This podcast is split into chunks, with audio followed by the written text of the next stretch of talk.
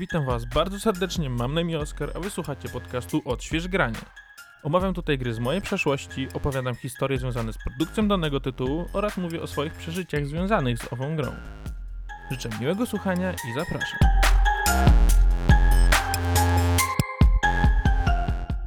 W tym tygodniu bierzemy na tapety tytuł z dość niszowego gatunku gier, czyli produkcja detektywistyczna.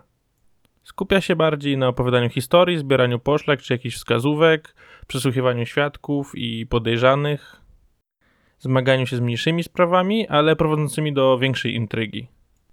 W późniejszej części materiału postaram się omówić cały kryminalny gatunek w świecie gier wideo, ale w tym momencie skupimy się właśnie na LA Noir wyprodukowanej przez y, wszystkim znaną firmę Rockstar.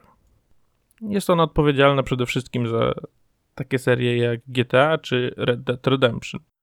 Grę stworzyło studio Team Bondi, odpowiedzialne za użytą y, przy produkcji gry technologię, ale do tego wrócimy później, w późniejszej części.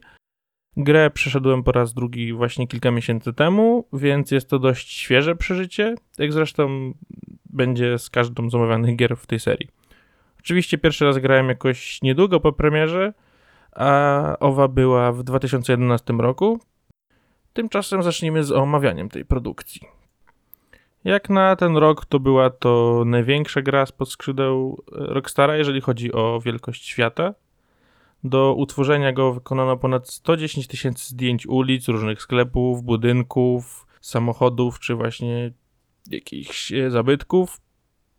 Cały zespół starał się jak najbardziej dokładnie odwzorować tamte realia, czyli cała ścieżka dźwiękowa, która swoją drogą jest fenomenalnie i idealnie dobrana. To została, pojedyncze utwory zostały wybrane tak, aby pasowały do tych czasów, e, czy były wydane w tamtych czasach lub idealnie oddawały klimat. Wystawy w sklepach, które mieramy przemierzając przez miasto za pomocą samochodu czy też na piechotę, są bardzo dopracowane i szczegółowe. Wszystkie mają modele 3D, co jak na tamte czasy wcale nie było standardem. Ba, nawet dzisiaj w wielu grach są jakieś użyte uproszczenia, stosuje się obrazy statyczne w 2D w witrynach sklepów. Wszystkie produkty są, no jak podejdziemy bliżej, to jednak dość niedopracowane i albo rozpikselowane, albo po prostu pełnią funkcję tylko takiego wypełniacza świata. Tworząc wiele tekstur, wzorowano się także na wycinkach ze starych gazet. Natomiast jeżeli chodzi o modele samochodów, to jeden z amerykańskich komików, y, Jay Leno, udostępnił twórcom swoją całą prywatną kolekcję zabytkowych samochodów, w tym nawet był wóz strażacki, aby umożliwić na stworzenie jak najlepiej odwzorowanych pojazdów razem z wnętrzem. No, niestety cały świat jest jednak pusty i nie ma za wielu interakcji.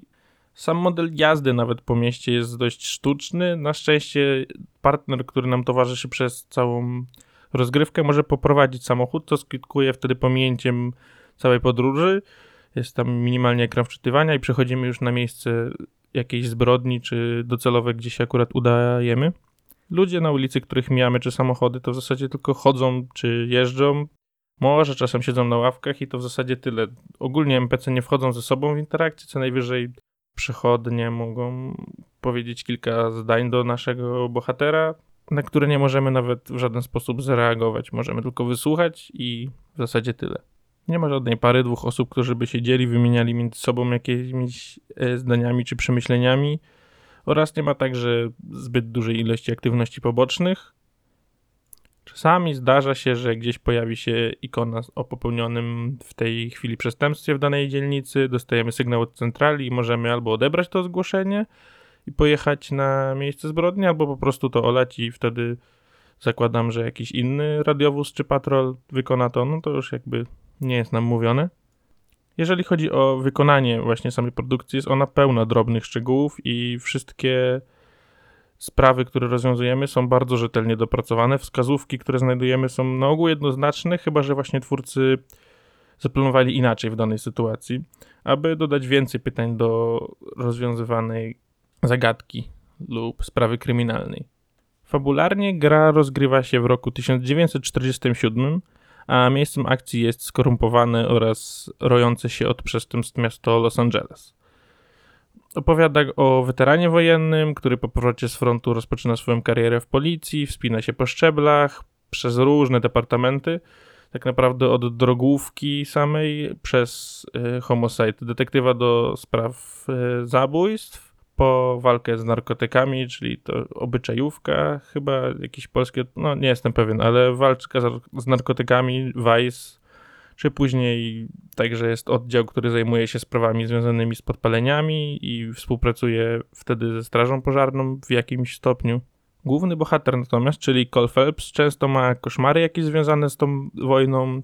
Kiedy był jeszcze w szeregach Marines, demony przyszłości nie dają mu spokoju i często w sekwencjach retrospekcji dowiadujemy się o motywacji bohatera, o jego przejściach z wojska oraz no, wraz z progresem fabuły, rozwiązywaniem spraw, yy, które się dzieją właśnie w latach 50., dowiadujemy się więcej o przeszłości naszego bohatera, kiedy właśnie był żołnierzem.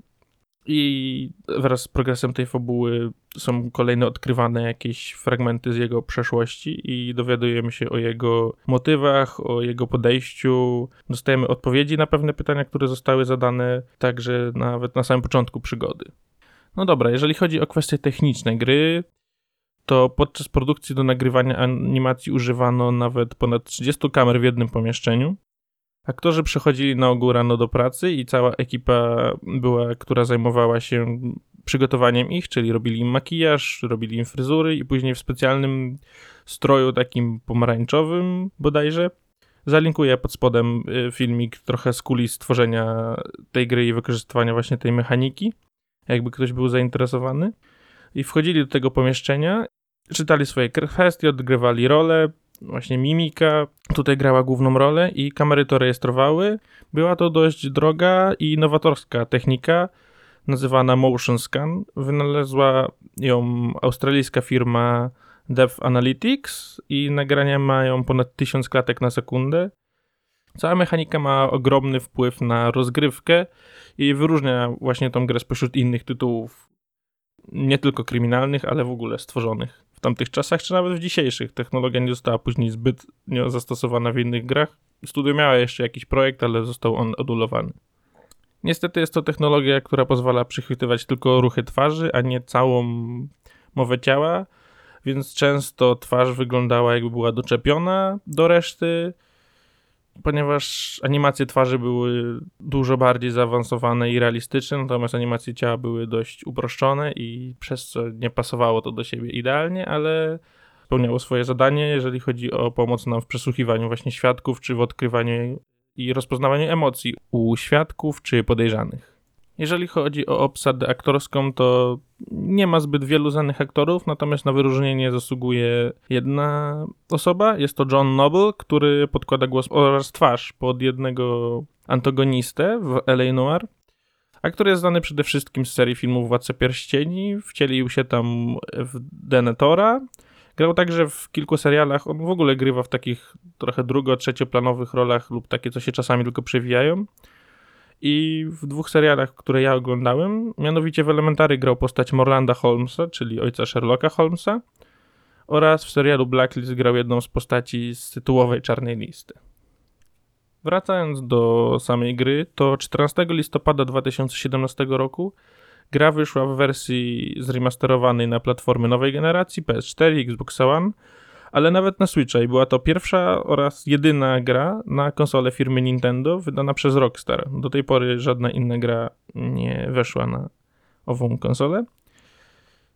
Natomiast kilka miesięcy temu, pod koniec 2019 roku, ukazała się osobna wariacja tytułu o, mm, osobnej nazwie LA Noir The VR Case Files, jak można z nazwy wnioskować, jest to produkcja, która przynosi kilka najlepszych spraw detektywistycznych z, do świata wirtualnej rzeczywistości.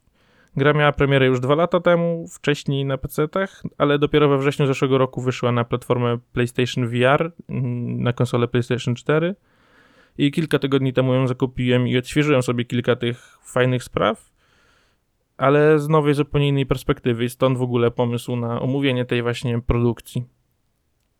Jeżeli chodzi o wersję VR właśnie, to oferuje ona także niesamowite wrażenia, które bardzo różnią się od tych e, ze zwykłej wersji LA Noir.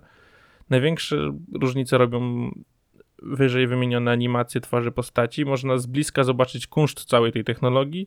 Widać także ewentualne niedopracowania.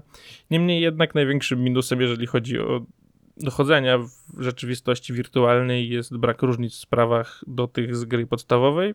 Jeżeli grało się wcześniej w grę nie w wersji VR i wie, gdzie są pewne wskazówki, czy ktoś jest odpowiedzialny za popełnienie jakiejś zbrodni, czy jest mordercą, to odbiera to jednak dużo satysfakcji z odkrycia tej tajemnicy.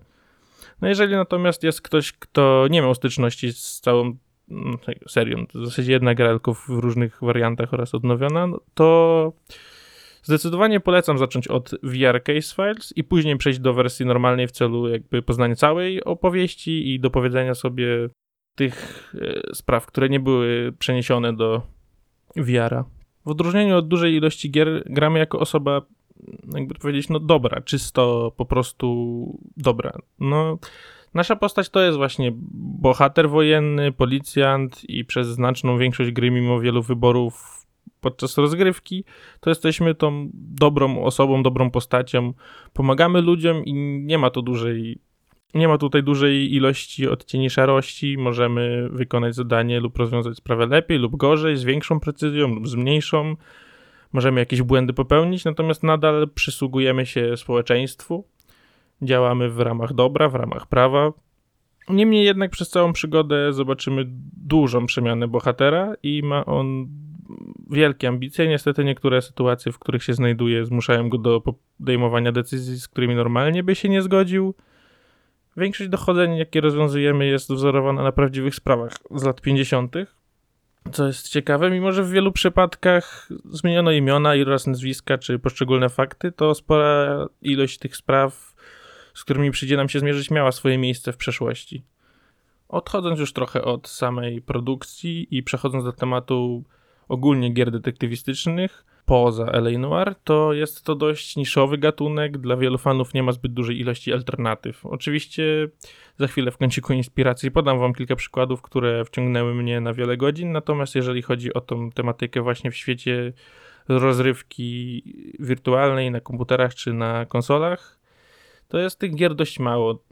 Moim zdaniem w niedalekiej przyszłości pojawi się nieco więcej takich tytułów. Chodzi mi o to, że takie gry są trudne do zrealizowania, a technologia idzie do przodu. Wymagają one jednak dużo, mm, dużo dbałości o detale. Jeżeli mamy rozwiązywać jakieś zagadki, czy łamigłówki, czy sprawy właśnie kryminalne, to wska- wskazówki należy zrobić tak, żeby były zarówno tajemnicze, ale tajemnicze i trudne, ale także przystępne dla bardziej casualowych graczy, żeby osoby, które nie siedzą w świecie gier codziennie i nie grają kilka godzin, a lubią tematykę kryminalną, mogły się tutaj odnaleźć. Kolejnym problemem jest zaprojektowanie dobrej, intrygującej zagadki czy tajemnicy, no wcale nie jest to takie proste. Co L.A. Noir właśnie robi świetnie, to łączy dość prostą fabułę jednak i zagadki z dużo większą intrygą i dla osób, które chcą się wczuć w ten świat jest bardzo dużo przestrzeni, na jakiej można to zrobić. Można za pomocą ścieżki dźwiękowej, która jest fenomenalna, wczuć się w cały świat gry, można rozpoznać niektóre sprawy, jeżeli się interesowało na przykład przeszłością i Stanami w tamtych czasach, to niektóre z tych spraw, które rozwiązujemy, bardzo są podobne do właśnie prawdziwych spraw, które się działy w tamtych czasach. Więc dla miłośników jakiejś historii Ameryki z XX wieku, to także może być dużo tutaj ciekawostek, czy nawet z samej po prostu, z samej ciekawości do aspektów technicznych oraz wykorzystania technologii, która odwzorowuje świetnie emocje to można podejść i zapoznać się bliżej z tym tytułem. Jest wiele powodów, żeby w tą grę zagrać. Właśnie na, dużej, na dużym polu można się wciągnąć w tą grę i zaangażować. Teraz właśnie przy szybkim rozwoju technologii, zwłaszcza z nadchodzącą nową generacją konsol, stworzenie szczegółowych i mrocznych światów będzie dużo bardziej przystępne dla większej ilości twórców, nie tylko tych AAA tytułów, nawet takich z mniejszym budżetem. Wiadomo, że jest wiele gier niskobudżetowych, którym udało się wbić w gatunek kryminalny czy detektywistyczny zupełnie z innej strony, natomiast skupiam się na produkcjach bardziej podobnych do gry Rockstara. Także pojawienie się technologii HDR oraz coraz lepszej głębi czerni.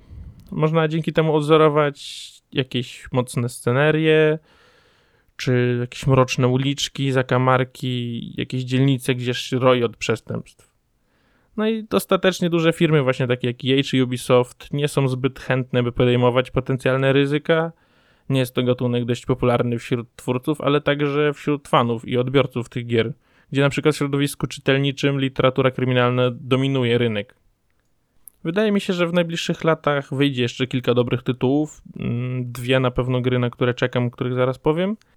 Natomiast sam gatunek jest bardzo ciekawy i jest jednym z moich ulubionych gatunków. Zwłaszcza, że tutaj łączy w zasadzie.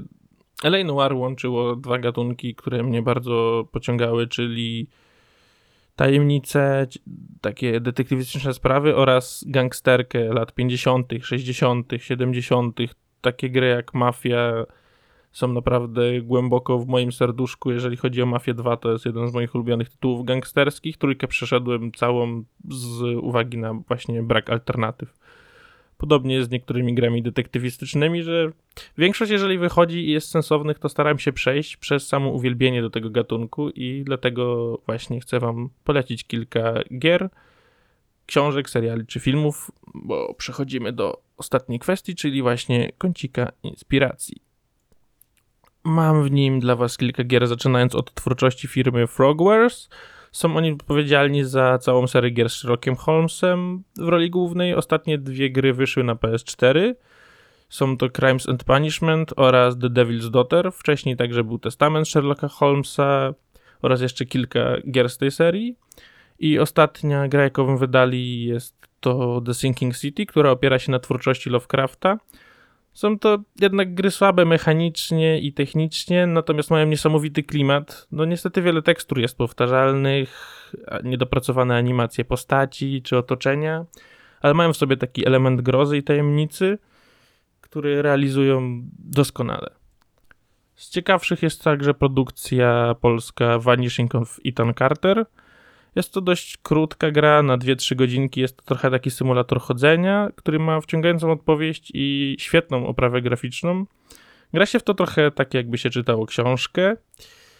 Natomiast z tych gier, co wspomniałem wcześniej, na których premierę czekam, to jest to Disco Elysium, które co prawda miało swoją premierę w zeszłym roku na PC-tach, ale ja czekam aż wyjdzie na PlayStation 4 w tym roku.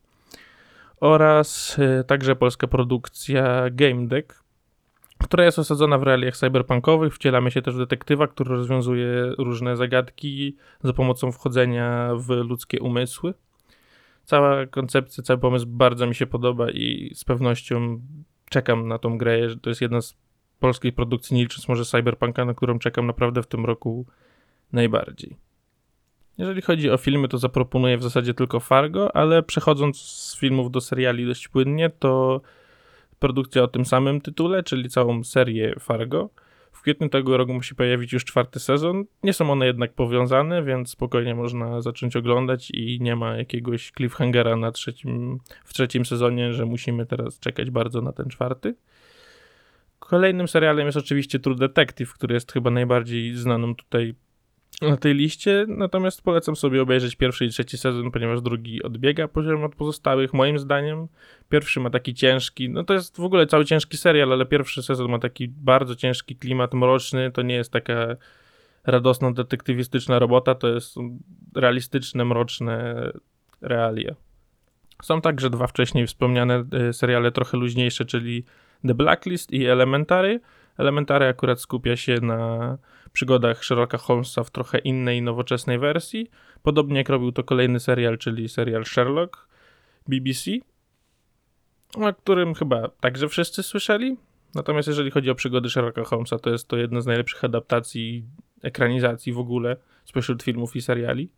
Oraz na ostatnim miejscu, moim zdaniem, fenomenalnie zrealizowany serial, czyli American Crime Story. Są dwa sezony i opowiadają o realnych amerykańskich sprawach z przeszłości. Pierwszy sezon opowiada o sprawie O.J. Simpsona, natomiast drugi skupia się na zabójstwie Versace. Jeżeli chodzi o książki, to oczywiście cała literatura Agaty Christie oraz Sir Artura Conana Doyle'a, w szczególności Adventures of Sherlock Holmes oraz The Casebook of Sherlock Holmes, czyli dwie moje ulubione książki tego autora. No i z polskich twórców ostatecznie polecam wam całą twórczość Katarzyny Bondy. Także no, wszystkie jej książki powinny zadowolić miłośników kryminałów. No dobra, to by było na tyle w tym odcinku i słyszymy się za tydzień, kiedy przyjrzymy się grze Saboteur. Życzę Wam miłego dnia, miłego weekendu, miłego tygodnia oraz miłego życia. Znajdziecie mnie tutaj w każdy piątek o godzinie 8 rano i dobranoc.